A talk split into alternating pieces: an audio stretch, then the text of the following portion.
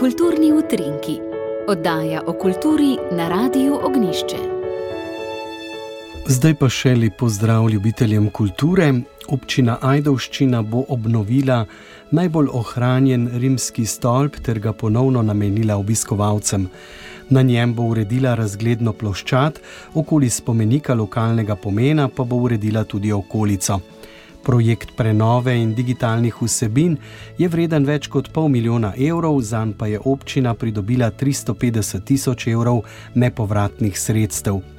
Stolp številka 8 je najbolj ohranjen del rimskega obzidja nekdanje Kastre. Trenutno je zaprt, saj je nevaren za obiskovalce, s prenovo pa bodo uredili stopnišče, razgledno ploščad in grajski vrt z namakalnim sistemom, je povedal vodja oddelka za gospodarstvo in razvojne zadeve občine Ajdovščina Janez Furlan. Po prenovi bodo tako v Ajdovščini dobili zanimiv notranji prostor, v katerega bodo nameščali dodatne digitalne vsebine s predstavitvijo starorimskega obdobja.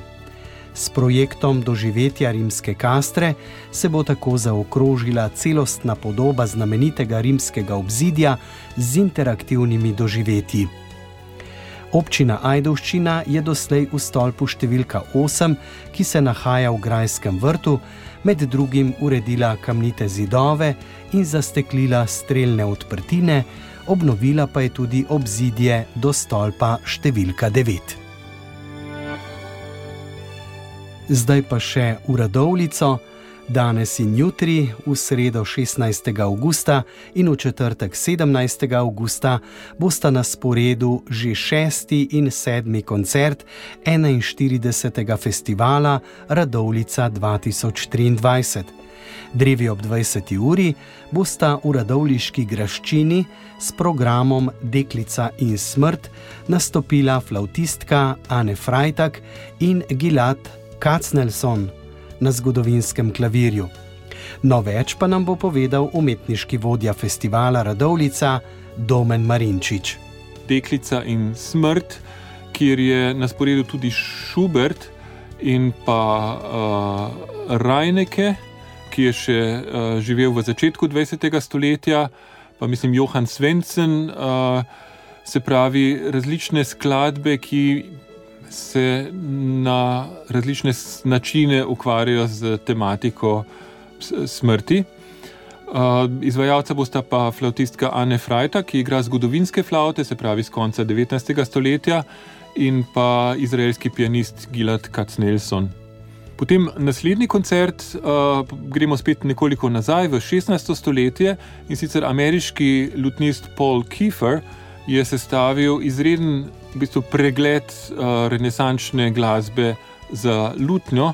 Tukaj so nekateri najvidnejši skladatelji, ampak tudi Giacomo Gorzanis, ki je uh, sicer živel v Trstu, ampak je igral tudi uh, v naših krajih in je pos posvetil svoje zbirke predvsem uh, plemičem na Kranskem, tudi Mauriciju Dietrichsteinu iz Radovlice.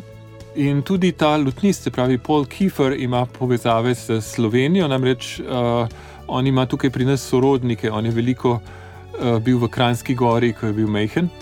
In ima še tam še vedno uh, babico, sicer niso slovenci, so vlahi, ampak to je nekako kot zanimivo. Pa mislim, da še nikoli ni nastopil v, v, v Sloveniji, velja pa za izrednega virtuoza in vsi, ki se ukvarjajo z lutnjo, uh, vedo, da je to na zelo na visokem nivoju.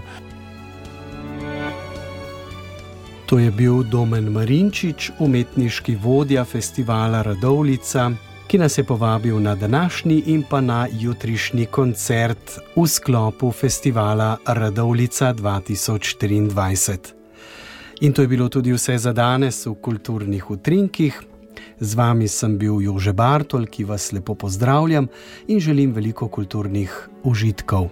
Seveda pa se spet slišimo v oddaji o kulturi jutri ob 10.15 minut.